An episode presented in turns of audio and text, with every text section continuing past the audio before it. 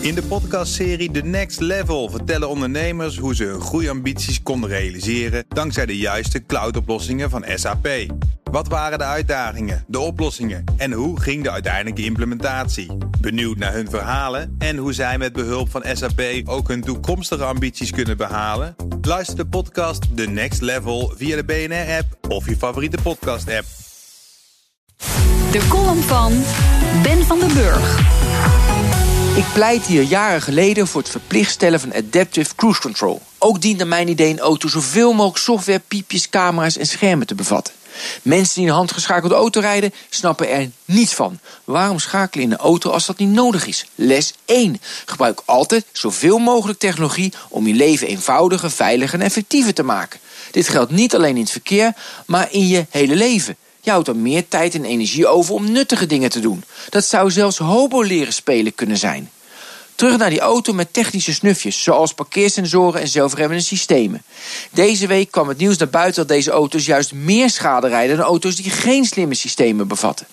In percentages heb je veiligheidsvoorzieningen dan op je auto, dan maak je 23% kans op schade dit jaar. Heb je het niet, dan maak je 40% kans op schade.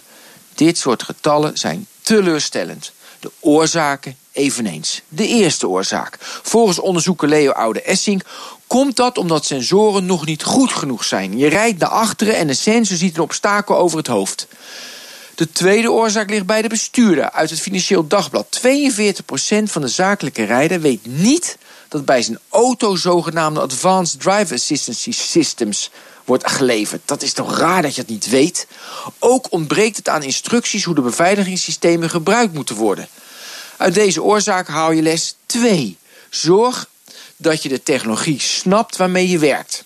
Volg je als onnozel gansje wat de autofabrikanten voorschotelen, dan leidt dat tot schade en extra kosten en tijd en gedoe.